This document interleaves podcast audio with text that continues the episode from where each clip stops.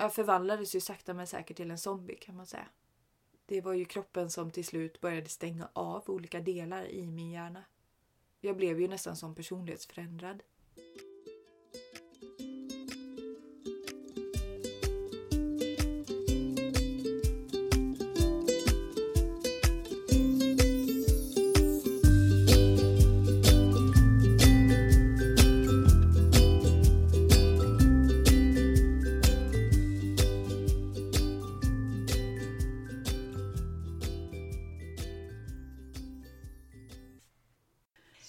Som jag är gjord utav sand. Jag bygger högt och rasar ibland. Hittar mig någon helt annanstans Där jag kan börja om. Starkare imorgon Känns som jag är gjord utav sand. Jag bygger mina murar för hand River dem och testar mig fram. Så jag kan börja om större nästa gång. Helt ärligt finns det någon som aldrig någonsin gör fel. Helt ärligt finns det någon som lyckas leva lycklig med ett inre gjord utav sten. Helt ärligt, helt ärligt känns som jag är gjord Nej Rosanna, nu får vi sluta. Annars kommer de stänga av. Vilken feeling här ju. Som ni förstår så försöker vi hitta lite så här kanske temamusik. Någon temalåt. Och det är inte meningen att vi ska så här, åh vad vi sjunger fint. Utan det är bara för att vi vet att man inte får spela låtar. Ja, exakt. Annars hade vi lagt in en låt här nu av ja. riktiga artister. Exakt. Ja. Men vi får, göra det, vi får göra det själva istället. Vi ska egentligen prata om något lite allvarligare idag. Eh, idag ska vi prata om det här med din eh, utmattning.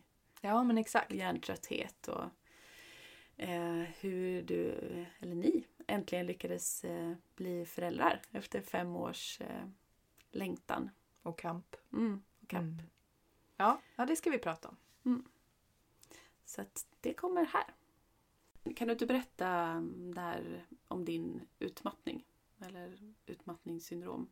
Vad hände där? Vad var det som ledde fram till det? Um, det var ju egentligen efter jag var färdig med lärarutbildningen 2008. Då började jag jobba eh, som specialpedagog. Det var mitt första, första jobb efter lärarutbildningen. Jag hade ju jobbat ett år som klassföreståndare i en sexa. Eh, när jag var 19, skulle fylla 20. Eh, då jobbade jag först ett halvår som vikarie. Eh, I allt från förskola upp till nian. Och sen blev jag erbjuden att, att jobba ett år som klassföreståndare. Och det klarade jag bra. Det var liksom inte... Skolan var annorlunda då.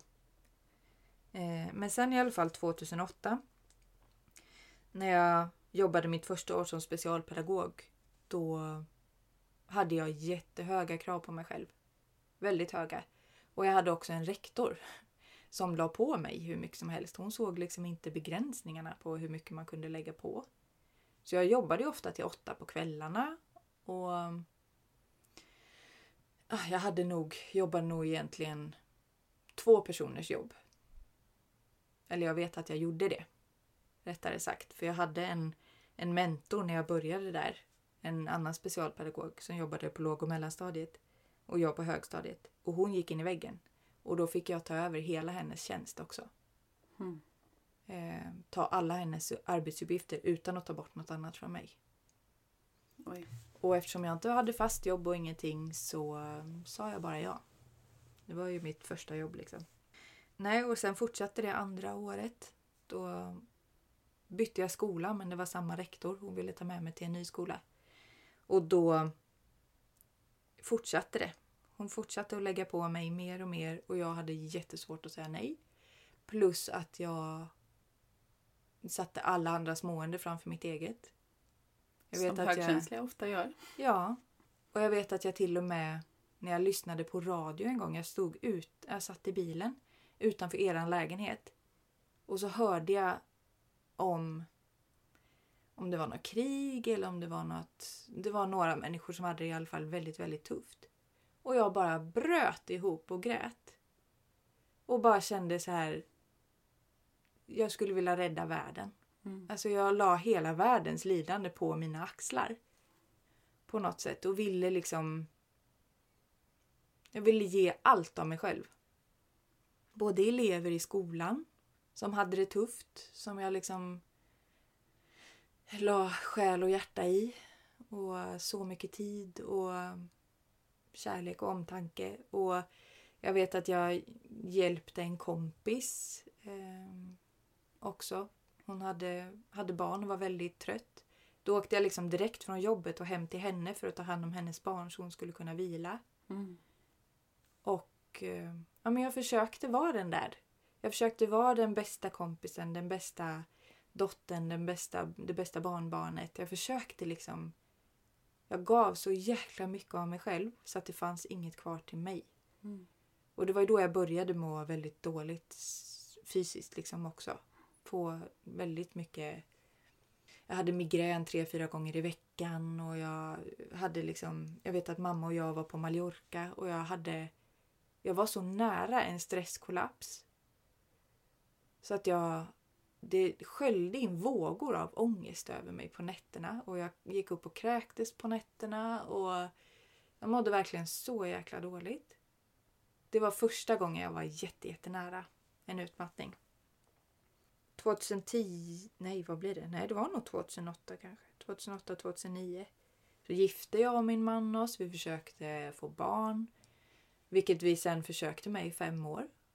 Och gjorde provrörsbefruktningar. Eh. Tre stycken gjorde vi sådana IVF-er. Eh, jag hade typ gett upp att kunna bli gravid på ett mm, vanligt sätt om man säger så. Eller biologiskt gravid. Nej, vad heter det? Få ett biologiskt barn. Så därför så gick vi igenom en adoptionsutredning och vilket är mycket tuffare än vad man kan tro alltså. Mm. Det är jätte, jättetufft. Och jag hade börjat ett nytt jobb där jag också ville visa att jag var duktig. Ni var stödföräldrar också? Vi var stödföräldrar för jag ville ju då hjälpa hela världen. Ehm, Och du hjälpte mig ganska mycket med våran förstfödde. ja, jag Alltså, försökte i alla fall. ju. Mm. Försökte finnas för dig där. Mm. Eh, och 2013 då hade jag allt det här och hade tänkt att jag skulle börja plugga till specialpedagog också. För jag var Just ju det. inte färdig specialpedagog utan jag hade ju bara läst lärarutbildningen eh, och blivit då lärare på gymnasienivå i engelska och psykologi och sen hade jag breddat med specialpedagogik bara ju.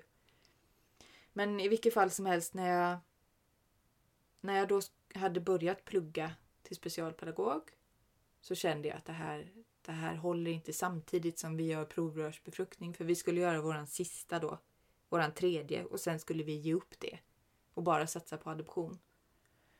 Ehm, så då släppte jag utbildningen i alla fall.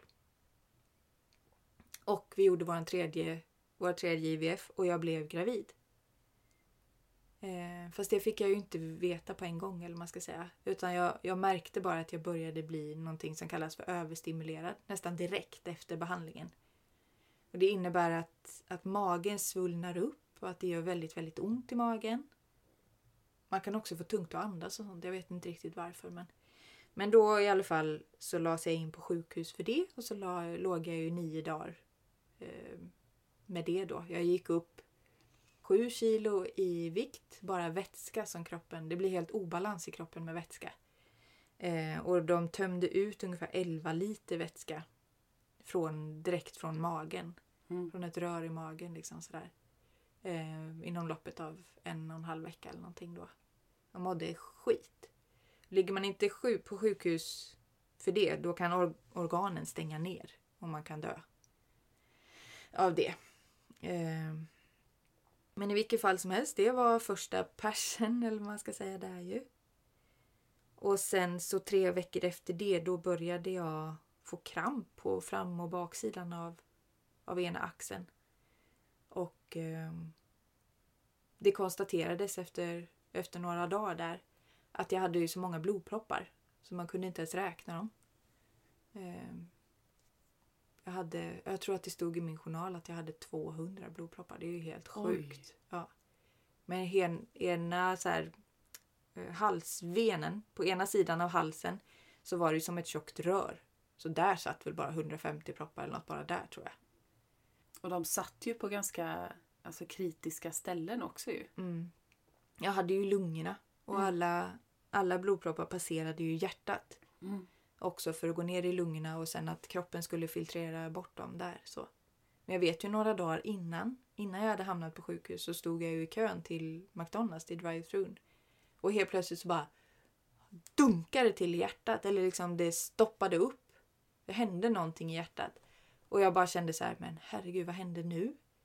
Behöver jag åka till akuten eller ska jag inte göra det? Vad hände liksom? Men det gjorde jag inte då. Men jag antar att det var en propp som liksom höll på att fastna då. Mhm. Men kom loss, som tur var. Eh, men jag låg ju i alla fall... Jag kan inte du berätta förresten hur det var lite för er? Och få det samtalet av mig från sjukhuset när jag sa att, att jag hade fått alla propparna. Jo men vi var ju på väg, eh, jag och min man och min son då var på väg eh, till Jönköping, till min svägerska. Ehm, och jag tror jag visste att du skulle in på någon kontroll eller att du skulle göra någonting. Eh, kolla upp det på något vis. Du hade ju sagt, egentligen var väl tanken att du skulle gått typ till en naprapat eller någonting. För att du trodde ju att det var i axeln bara. Just det. Den här krampen i axeln. Ja, precis. Men sen i alla fall så ringde du när vi var på väg dit och så, så och jag körde. Och så sa du ju bara att, och du grät och så, och sa att det var blodproppar typ överallt och i lungorna och överallt och att det var kritiskt liksom. Och det kändes som att hela min kropp typ stängde av. Alltså jag har aldrig varit med om en sån stark kroppslig reaktion, varken förr eller senare. Det var som att jag typ skulle svimma, eh, typ bajsa på mig, kräkas, allting samtidigt. Jag bara kändes som att jag skulle sprängas i bitar typ. Jag bara fick sån panik. Eh, som min man sa bara så, men gud sväng åt sidan, kör av, ställ dig här, parkera bilen liksom, ta det lugnt. Eh, och jag fick gå ut och, och ställa mig och typ andas lite och jag vet att jag bara storgrät och sa det att om inte du överlever så eh, vill inte jag leva liksom. Och min Schysst man sa det bara. Hej hej, här sitter vi här, din man och din son. Jag bara ja, jag menar inte så men det, det, här, det här får inte hända liksom. Så jag körde och lämnade av dem hos mina svärföräldrar och körde direkt till sjukhuset. Och mötte väl upp pappa där också tror jag. Eller mamma eller vem det var. Ja men det, det är det värsta jag varit med om. Hela den perioden när du var så sjuk. Det kändes som att hela min eh, värld rämnade. Att marken försvann under fötterna. Eh, och så fort jag var hemma och inte visste exakt vad som hände med dig så bara, du vet, alltså hade jag sån ångest. Så jag ville ju bara vara hos dig hela tiden för då hade jag lite koll på läget. Och det roliga är att jag har aldrig tänkt där innan att jag var någon särskild att hålla i handen liksom om det var något kritiskt så. För jag har ju alltid tänkt att jag är en sån orolig person och katastroftankar och grejer.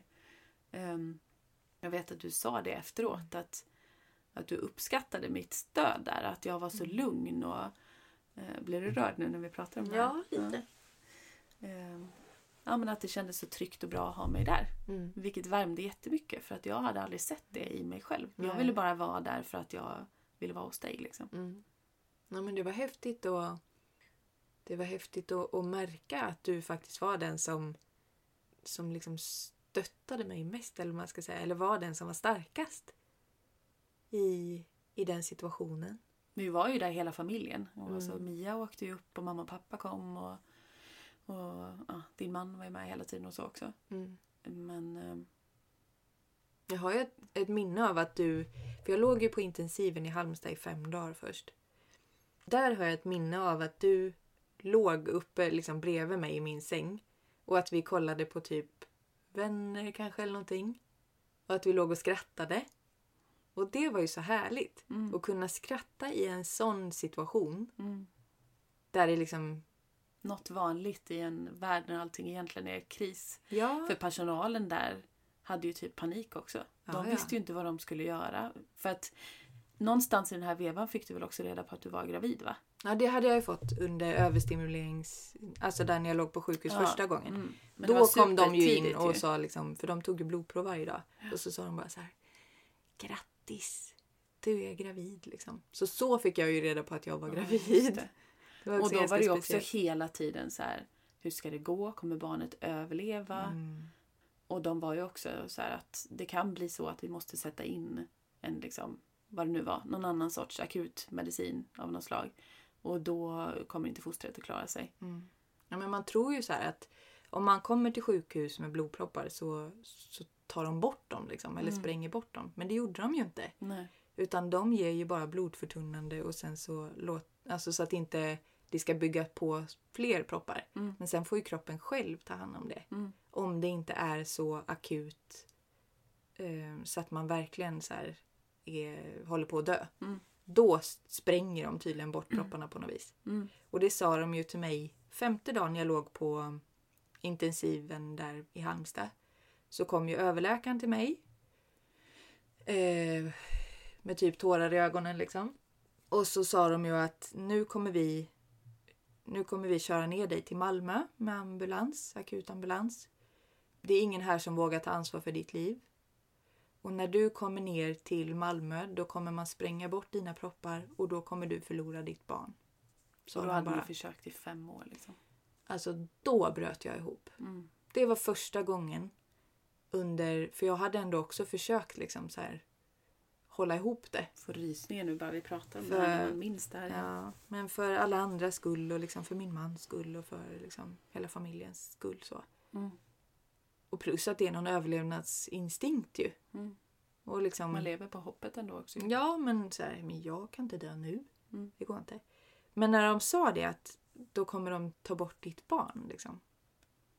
Jag har aldrig gråtit så mycket i hela mitt liv. Mm. Och så sa jag det så här, ja, men om, om ni tar bort mitt barn då kan lika gärna jag dö. Mm. För det... Usch. Nej men vi hade kämpat så jäkla mycket. Mm. Och äntligen liksom. Och så hade jag gått igenom, eller gick jag igenom allt som man gjorde. Och så skulle vi inte ens få chansen. Mm. Och det... Nej, fy. Men i vilket fall när vi kom ner dit till Malmö. Så det var ju det första jag frågade. Så här, kommer, ni, kommer ni ta bort mitt barn nu? Och då sa de ju bara att Nej men vi, vi avvaktar en minut, en timme, en dag i taget. Liksom sådär. Men visar du minsta möjliga försämring, då gör vi det. Då kommer vi gå in och, och liksom spränga bort propparna. Men ja, kors i taket alltså. Det... Och det vet jag också. När du skulle köras ner till Malmö så sa ju de så här till din man att så här, du kör inte ner själv nu va? Har du någon med dig? Så jag bara, ja men jag åker med honom. Eh, och jag tror, ja vi sa inte många ord till varandra i bilen alltså. Och när vi körde på Hallandsåsen så blev vi ju omkörda av en ambulans med blåljus och sirener och allting. Eh, och antog att det var du då eftersom vi åkte ju typ samtidigt. Och vi hade ju ingen aning om vad som hände inne i den där ambulansen. Om du levde eller liksom hur kritiskt det var. Bara proppade i oss hur många så Novalucol och grejer som helst bara för vi hade sån jäkla magkatarr. Eh, och bara, det var sån panikkänsla. Och så kom vi fram till Malmö och kom äntligen in i ditt rum där. och det är så du. Och så satt du på sängen inne i, du delade rum med någon gammal farbror. Och du bara, hej hej! Det här är Arne, han fyller år idag. Och vi bara, eh, va? Lever du ens typ? Alltså det var så konstigt. Och det var så, ja men det är du ett nötskal liksom. Då hade du börjat prata med han den farbrorn där och ni hade så trevligt och liksom.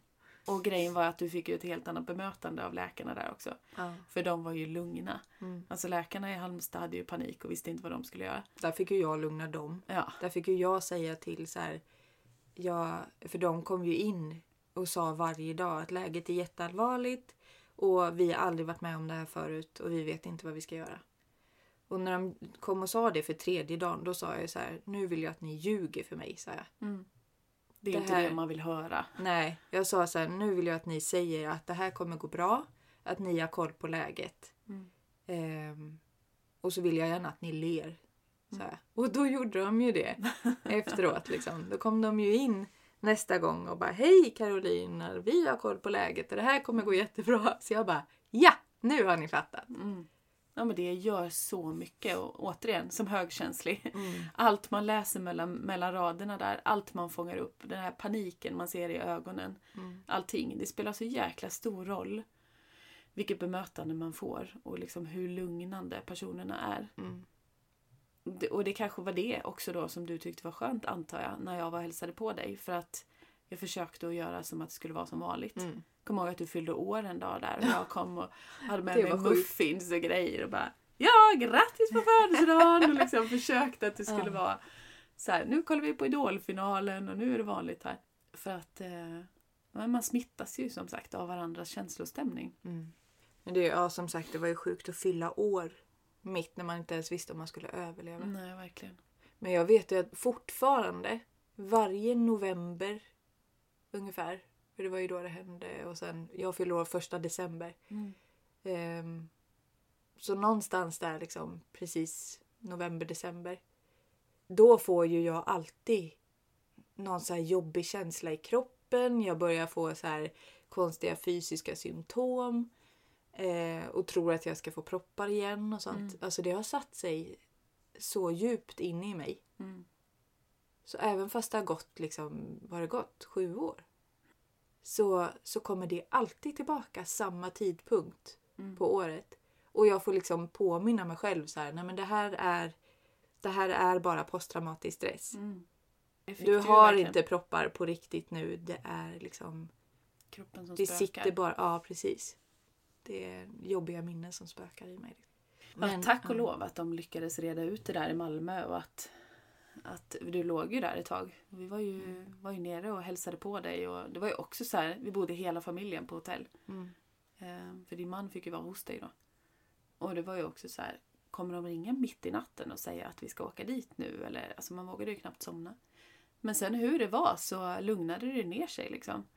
Och, och de fick, fick koll på dig och det stabiliserade sig och du fick blodförtunnande och Mm. fick ju fortsätta att ta sprutor hela graviditeten och ett tag efteråt. Mm. Och jag hade ju kvar propparna som sagt i liksom flera månader. Så, och speciellt typ den första månaden kanske eller något sånt där. Så kändes det ju hela tiden som att jag stod på huvudet och blev lite strypt samtidigt. Alltså det var ingen härlig känsla. Nej, jag förstår det. Och jag kunde inte luta huvudet bakåt vet jag. För jag kunde inte duscha liksom sådär. Eh, jag, ja, jag kommer inte ihåg men det var inte kul. Men sen också när de släppte ut mig från, från sjukhuset. Så var det som att man var en, en fågelunge som kastades ur boet. För helt plötsligt så skulle jag vara hemma själv.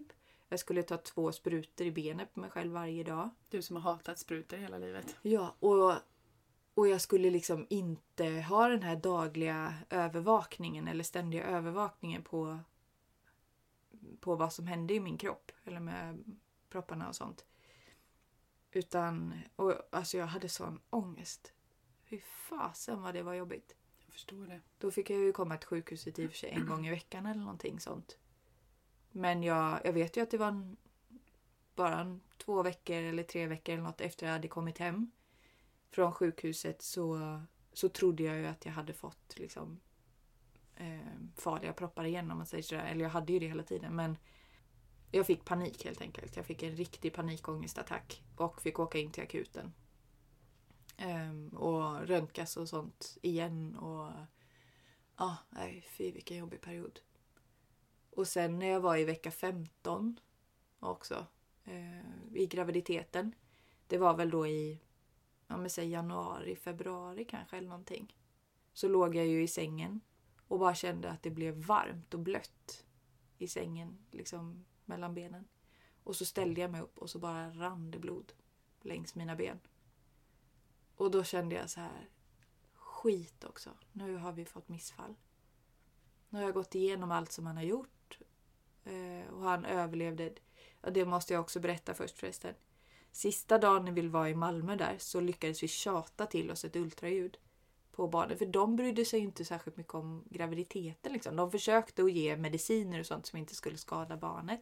Det var ju ändå du som var deras patient på något vis. Ja men de precis, du deras första klara- prioritet var ju min överlevnad. Mm. Inte barnet. Ehm, men jag tänkte ju bara på barnet liksom hela tiden. Men då lyckades vi i alla fall tjata till oss ett ultraljud. Och var så otroligt rädda för vad vi skulle se. På skärmen. Skulle liksom... Skulle det vara liv eller skulle barnet ha dött? Men så tittade vi och då vinkade, Mm. vinkade den här pyttelilla bebisen liksom till oss. Och då storgrät vi ju båda Mm, två. Jag förstår det. Men Men kan sen, det ha varit i sagt. vecka då? Vecka nio eller något? Ja, Tio? vecka 9-10 någonting. ja. Mm. Ehm, men sen i alla fall då när jag trodde att jag hade fått missfall.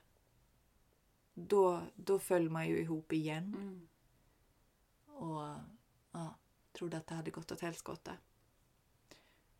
Ehm, och Vad tjatade då till med ett ultraljud där också. Och barnet fortsatte att leva. Alltså det var... Var en mirakelbebis Ja du, det snacka om starkt. Men fick ni reda på varför du fick någon blödning där? Ja, det var för att jag tog blodförtunnande och för att det hade blivit någon Ah. liten inre blödning. Ehm, sådär liksom. Men som inte påverkade barnet ändå. Men sen några veckor efter det så då började jag kissa blod istället. Och gjorde det, för jag blödde ju först liksom vaginalt i typ kanske en, mellan en och två veckor. Och sen så var det lugnt i en vecka eller något och sen började jag kissa blod. Och kissade blod i typ två veckor eller någonting också. Och fick göra njurröntgen och ni vet allt möjligt. Det var ju bara galet. Vad jobbigt. Och sen efter det fick jag ju njurbäckenförträngning. Det känns som njurstensanfall fast man har det hela tiden. För det blev tydligen att när barnet låg i magen så tryckte, tryckte han ihop någon gång liksom. Gång som gick från njurarna och ner till eh, urinblåsan eller någonting. Vilket gjorde helt galet ont. Eh, Så jag kunde ju bara ligga typ om det var på vänster sida och på en soffa och ha benet ner lite.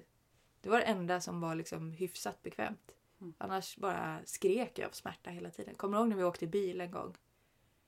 Och jag körde. Och jag bara satt och skrek. Nej.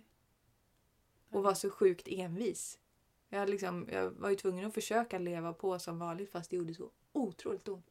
Men i vilket fall som helst så höll det i sig några veckor. Och sen så fick jag ju något så här influensaaktigt som höll i sig i fem veckor. Men sen efter det så, så var det ju faktiskt ganska lugnt. De sista typ, veckorna där. Ja, mellan vecka, jag tror att det var 26 och 40 eller någonting. Då var det ändå ganska lugnt. Det Liksom. tycker Och jag var jag, så roligt alltid när, man, när någon frågar dig så här, ja men hur, hur liksom har din graviditet varit och så. Men jag tycker den har varit ganska bra. Man bara, eh, du måste vara väldigt bra på att förtränga allt du har varit med om. Eller så är du obotlig optimist verkligen. ja. Men det är det som är så härligt för att du Alltså du gick ju verkligen inte in i någon offerroll kring det utan bara så här Ja, det var vad det var liksom. Det var svintufft. Men nu mår jag bra. Ja, men sen var var det väl också att jag skilde på något sätt på graviditeten i sig och på allt det andra skitet. Mm, Alltså blodpropparna och allt det, det var en grej för sig. mm, Och sen på något sätt var bebisen och sparkarna i magen, det var något annat. mm, Själva den delen var ju helt fantastisk. Jag älskade ju att vara gravid. mm. Eh, och verkligen gick och klappade på magen hela tiden och bara kunde ligga i timtal och bara titta på magen och se hur det rörde sig. Och, Mm. och jag kände ju på något sätt på mig att det här kan ju bli min enda, min första och sista graviditet. Mm. Så nu ska jag verkligen ta vara på det. Och det gjorde jag. Alltså jag tog verkligen vara på varenda sekund som var bra. Mm.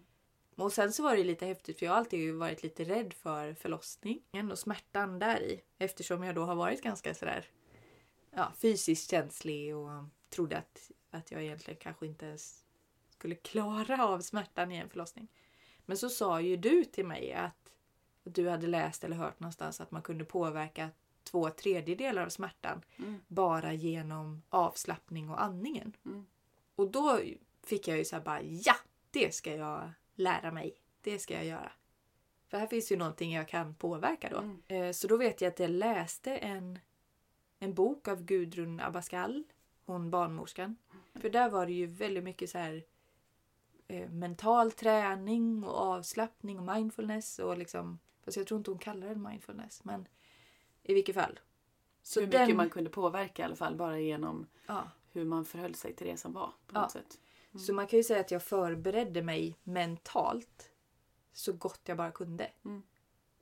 Jag liksom förberedde mig med mentala bilder. Jag förberedde mig på ehm, hur man kunde slappna av och hur man kunde andas liksom, på ett speciellt sätt och sånt då. Så jag var ju inte rädd för förlossningen när det väl hände. Och sen fick jag Häftigt. ju en superhärlig förlossning med allt det som jag själv kunde påverka. Och sen när han var på väg ut, eller själva utdrivningen där, det gick väl inte sådär för jag gick ju ganska mycket sönder inuti liksom och sådär också. Vilket gjorde att jag sen fick inre blödningar. Och hade jättetuff vecka efteråt med tre operationer. Två sövda liksom och sådär. Och ja, det var riktigt jäkla tufft. Och månaden efter han hade kommit ut så Alltså det tog en månad för mig att kunna stå upp längre än, än typ en minut för det gjorde ju så jäkla ont. Och ganska mycket så här traumatiska grejer och sånt där veckan efter också. Och sen eh, under kommande ett, ett och ett halvt år så då sov ju inte... Alltså min, min son vaknade ungefär en gång i timmen under hela nätterna så jag hann ju aldrig komma ner i djupsömn. Plus att jag hade jättemycket posttraumatisk stress. Alltså väldigt mycket ångest. Jag förvandlades ju sakta men säkert till en zombie kan man säga. Det var ju kroppen som till slut började stänga av olika delar i min hjärna. Jag blev ju nästan som personlighetsförändrad. Jag vet att det var det var någon period när jag inte log liksom på hur länge som helst. Jag orkade inte. Det kunde ta mig tio minuter, en kvart och bara bestämma om jag skulle sätta på kaffe eller inte. Jag kunde inte ta beslut. Och jag förstod inte vad jag läste och jag förstod inte vad folk sa. Och jag kunde absolut inte prata särskilt långa meningar själv för jag tappade tråden hela tiden och glömde bort ord. Och Visst var det så här att det typ gjorde ont när du duschade och sånt också? Mm. Att du var så känslig i huden med. ja, det gjorde det. Och jag klarade inte av ljudet i duschen. Så bara duscha var ju hemskt liksom. Mm. Jag blev så hyper, hyperkänslig liksom för både ljud och ja, som sagt smärta och beröring nästan överhuvudtaget. Och sen så till slut så blev det ju att eftersom jag blev väckt så ofta eh, så blev det till slut som att jag fick elstötar varje gång jag blev väckt. Det kändes fysiskt som elstötar. Så till slut så var det lättare att inte gå och sova alls. Alltså det var lättare att vara vaken dygnet runt än att faktiskt gå och lägga sig och bli väckt. Oj. Och det mår man ju inte speciellt bra av heller. Nej, verkligen inte. Då blev det ju att jag fick försöka lägga mig och sova i ett annat rum. Och så fick min man sova med våran son då. Och jag tror han gjorde det i tre månader kanske. Jag tror att det tog tre månader för mig ungefär. Att kunna ja, men, sova lite mer normalt. Mm. Alltså första månaden så det spelar ingen roll att jag låg i ett annat rum och med öronproppar och alltihopa. För jag var ju vaken ändå. Kroppen var ju så inställd på det. Och då kändes det som att jag skulle få hjärtattack och dö typ när som helst. Det kändes verkligen som att jag var döende. Det var obehagligt som fasen. Ja, men när jag ändå hade fått lite ordning på sömnen och hade kunnat sådär. Då skulle jag ju börja jobba igen. För det här var ju inom loppet av det första året då. Då skulle jag ju gå tillbaka till jobbet och jag var hos läkaren och jag hade ju inte fattat att jag var utmattad. Det är så konstigt. Nu i Mm. efterhand så var men det var ju självklart. Men nej, då var det inte det. För då tänkte jag så här, jag är mammaledig. Du vet, alla bara pratar om att ja, men då ska man kunna vila när man vill och det är så här. Det är väl ingen som blir utmattad när man är mammaledig tänkte jag. Det var jättekonstigt. Så jag tog med min man som stöd för jag kunde ju då inte själv få fram vad jag ville. Liksom. Jag hade en lista med typ 30 symptom. Och kom till läkaren och bara, jag tror att jag har sköldkörtelproblem. Sa jag bara. Det var exakt samma som jag. Det Ja. trodde jag också att jag hade. Ja. Ehm, och de tog alla prover och alltihopa och allt var bra. Och sen så sa de bara att det, det låter ju mer som att du är utmattad. Och jag bara Utmattad? Jag kan ju inte vara utmattad. Jag har ju varit mammaledig. Det är ingen som kommer tro mig om jag säger det. Jag ska börja jobba, sa jag. Ge mig några mediciner så jag kan bli frisk så jag kan börja jobba. Mm. Eh, och då sa han så här, nej men du kommer inte kunna jobba 100% liksom.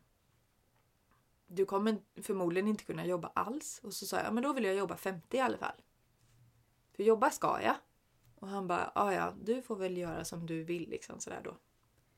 Och så gick jag till jobbet och så låtsades jag som att jag mådde bra. Då jobbade jag ju som sagt bara halva dagarna eller om jag jobbade två, dag, två och en halv dag i veckan eller något. Jag kommer inte ihåg. Som lärare då väl?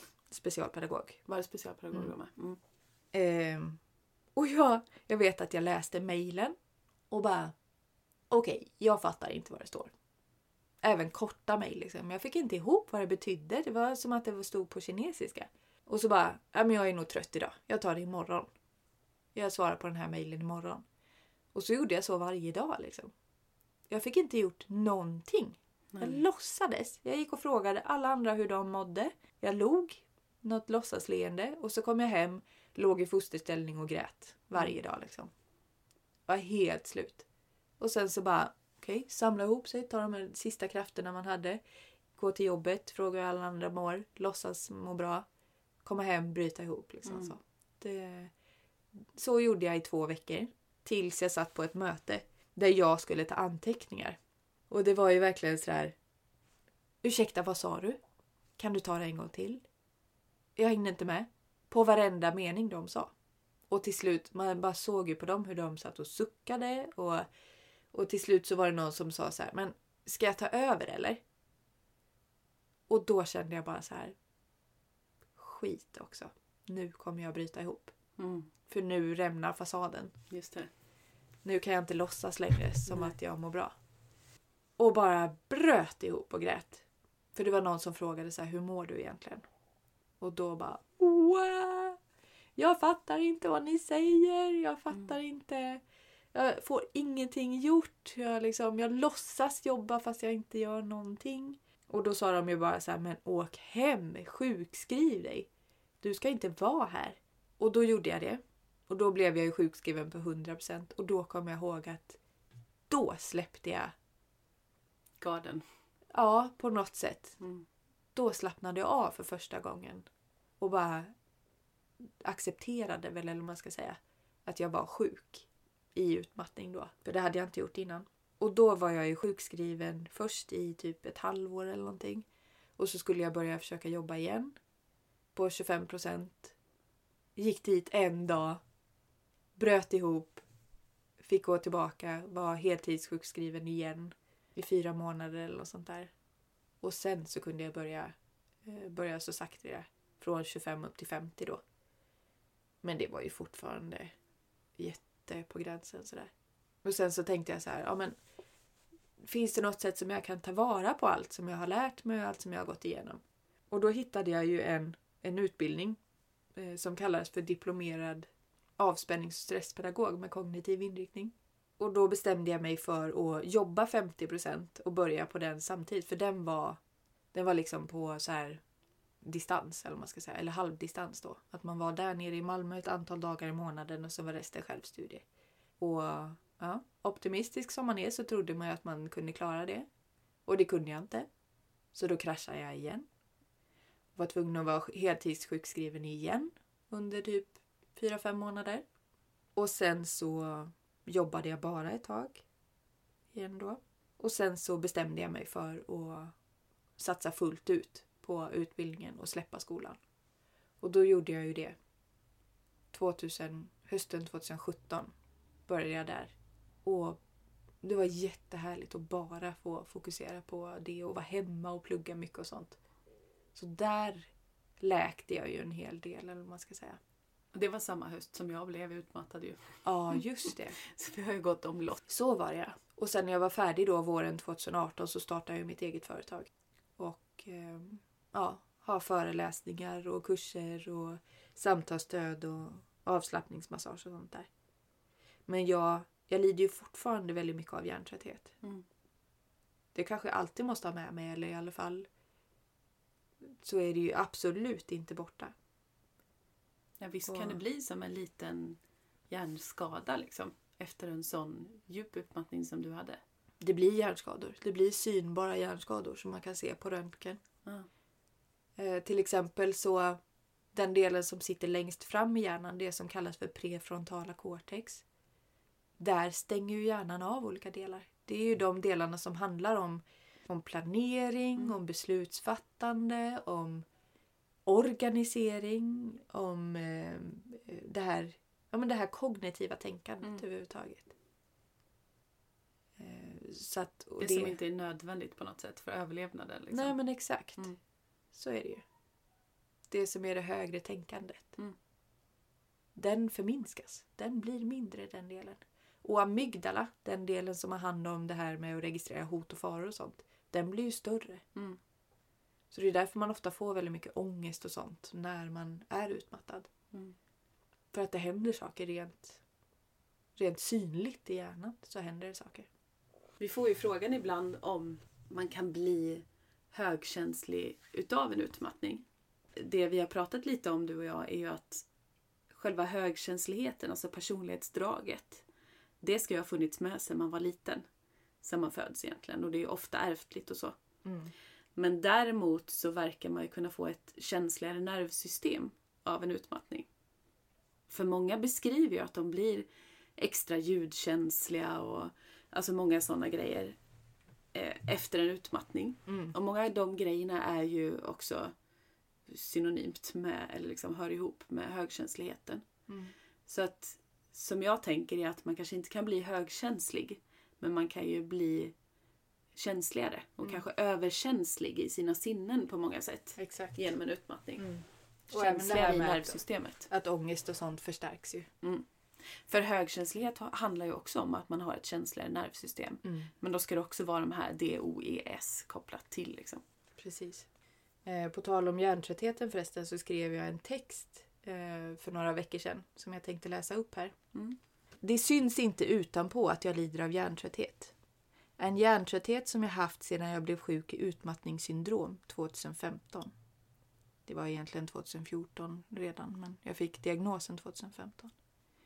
En hjärntrötthet som gör att jag endast har en arbetskapacitet på 50-60 procent och det i mina friskare perioder. I mina sämre perioder klarar jag inte att jobba alls. En hjärntrötthet som gör att jag måste sova 10-12 timmar per natt för att fungera. Det innebär att jag går och lägger mig mellan klockan 20 till 21 ungefär varje kväll, även ofta på helgen. Inte helt toppen för förhållandet precis. En hjärntrötthet som gör att jag får migrän, kräks och blir sängliggande cirka 12 till 24 timmar så fort jag går över gränsen till vad kroppen orkar eller när jag stressar, även om det bara är för några timmar.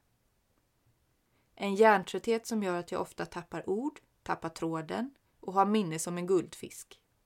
Förutom namn och ansikten, de sitter oftast. En hjärntrötthet som gör att jag blir otroligt trött av alla sorters sociala aktiviteter och gör att jag numera säger nej till cirka 80 procent av allt umgänge med vänner och familj som jag tidigare hade sagt, sagt ja till. En hjärntrötthet som gör att sommar och semester oftast är den allra tuffaste perioden på året för mig. Som gör att jag då och då behöver ta semester från min älskade man och son för att inte bryta ihop fullständigt och bli sjuk med migrän, kräkningar, frossa, hög puls och en känsla av total panik i kroppen. En hjärntrötthet som gör att jag några gånger om året får försöka förklara för min son att det inte handlar om att jag inte vill vara med honom utan att jag har en skada på hjärnan som gör att jag ibland bara behöver få vara själv och ha en stund helt tyst för att hjärnan ska få vila en stund. En hjärntrötthet som gör att jag inte klarar att följa med på camping med våra vänner eller vara ute med båten även fast jag vet att det är det bästa min man vet. En hjärntrötthet som gör att jag ofta känner mig som världens sämsta fru, mamma, syster, dotter, svärdotter, barnbarn, kollega och vän. Som gör att jag ofta känner mig som ett ufo, som brottas med skuld och skamkänslor och ibland bara vill gråta. Så till alla er andra hjärntrötta där ute vill jag bara säga, du är inte ensam, även om det ofta känns så. Jag tror att det var bra när du delade den texten. Dels för dig själv för att få ur dig det där. Mm. För att faktiskt få förklara eh, vad som känns på insidan som inte syns utåt. Men också för andra att få en annan förståelse för det. De Mm. som är runt omkring i din närhet. Det var ju väldigt många som kommenterade och tror jag fick, fick upp ögonen lite. Kanske för vad det handlar om egentligen. Det här med hjärntrötthet och utmattning. Mm. Och även om inte du är liksom kritiskt sjuk i utmattning just nu så är det här någonting som hänger med. Som du hela tiden måste ha med i beräkningen. Ehm, och även som när du och jag jobbar ihop och planerar olika grejer och så. Så är det hela tiden en avstämning mellan hur mycket klarar du? Mm. Ska jag ta över det här? Är det, behöver du paus nu? Alltså så. Så att eh, du behöver ju hela tiden vara uppmärksam på vad din kropp berättar för dig. Mm. Alltså hur du mår och vad du klarar av. Och jag förstår ju att det inte är särskilt lätt för alla andra att försöka förstå sig på mig. Och försöka liksom, eller och, och veta vart man har mig och hur mycket jag klarar och alltihopa. Ibland förstår du ju inte ens själv. Nej, gud nej. Nej. Och jag menar, och eftersom jag försöker, eller man ska säga, jag är ju i grund och botten en ganska framåtsträvande och, och glad person. Mm, får man väl ändå säga, eller optimistisk person. Mm. Så vill jag ju passa på de dagarna när jag mår bra. Då är jag ju som den gamla. Innan utmattningskarro eller vad man ska säga. Men det kan ju gå otroligt fort att energierna eller batterierna laddas ur. Mm. Det kan ju gå på någon timme. Från att jag känner mig pigg och liksom har energi till att jag är helt färdig. Mm. Och typ måste gå och sova. Mm. Så att jag hänger ju inte med själv heller. Nej. Och där tror jag har ju ditt eh, och mitt förhållande, eller vår relation, har ju förändrats. För i början när du var utmattad så tyckte jag ju att det var skitjobbigt. Alltså när vi var ju föräldralediga samtidigt en period då var ju så här, kunde ju höras på förmiddagen liksom. Ja, ah, ska vi åka på utflykt idag? Ska vi hitta på någonting med barnen? Ja, men det kan vi göra, sa du. Och så förberedde jag hemma och gjorde i ordning mina barn. Och, för jag, min dotter är ju fyra månader yngre än din son. Mm. Ehm, och sen så har jag ju en, en äldre son också då. Som är åtta nu. Ehm, så jag kunde ju göra ordning hemma och förbereda barnen och vara redo att åka. Och så kunde du ringa tio minuter innan vi skulle ses. Att säga, jag är ledsen, jag orkar inte idag. Jag är så otroligt trött. Vi får, vi får ta en annan dag. Och jag tyckte det var så jobbigt för jag har ju alltid varit sådär också haft svårt att ställa om när jag har liksom planerat för någonting. Och blev ju superfrustrerad och visste aldrig när jag kunde räkna med dig och jag bara kände att jag saknade min gamla syster liksom. Min, min vapendragare och nu visste jag aldrig liksom ja, vad du orkade och vad du inte orkade. Och sen är ju småbarnsperioden tuff också. Det tyckte ju vi båda två. Mm. Så båda var ju på sätt och vis också slitna och jag jobbade på förskola och var, hade ju egentligen också en begynnande utmattning. Så att jag hade ju egentligen inte heller min energi på topp.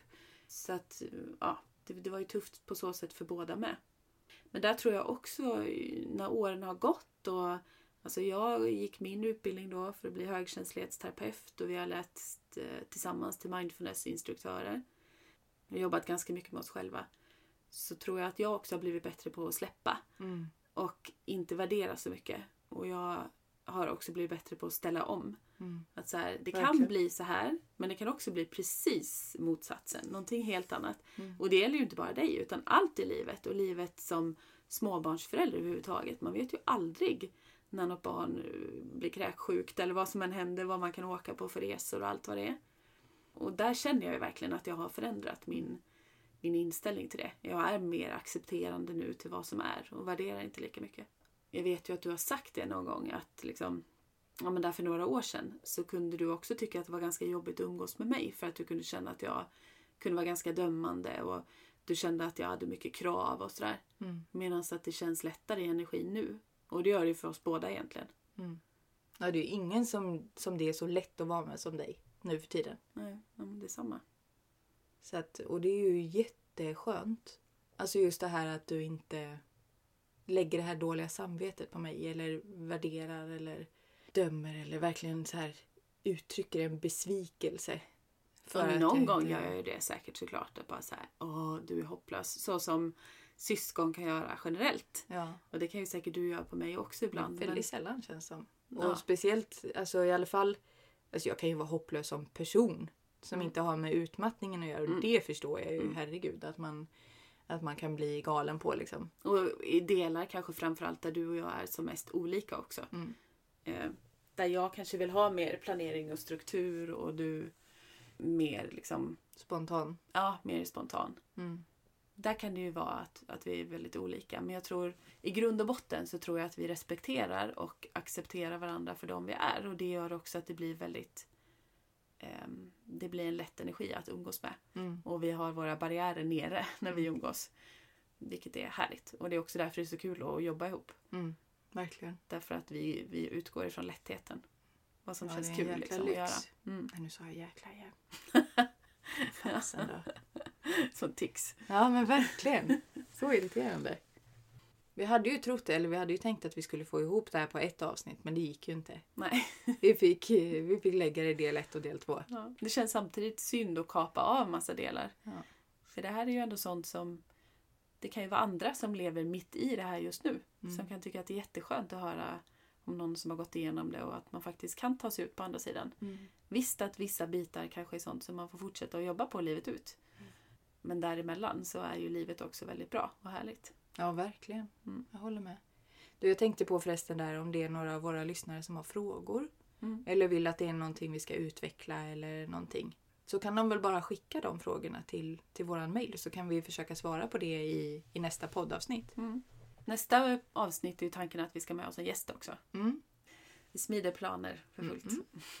Det ska bli så härligt att få bara intervjua. Du gillar det. ju också det mycket mer. Du är ju inte så mycket egentligen för att prata om dig själv. Nej. Du har ju alltid som person tyckt att det varit lättare att liksom fråga andra och, Och intervjua lyssna, andra och Ja. lyssna än att prata om dig själv. Ja, så jag Så att, tyckte eh, det här var ganska jobbigt. Mm. att, att berätta om mig själv.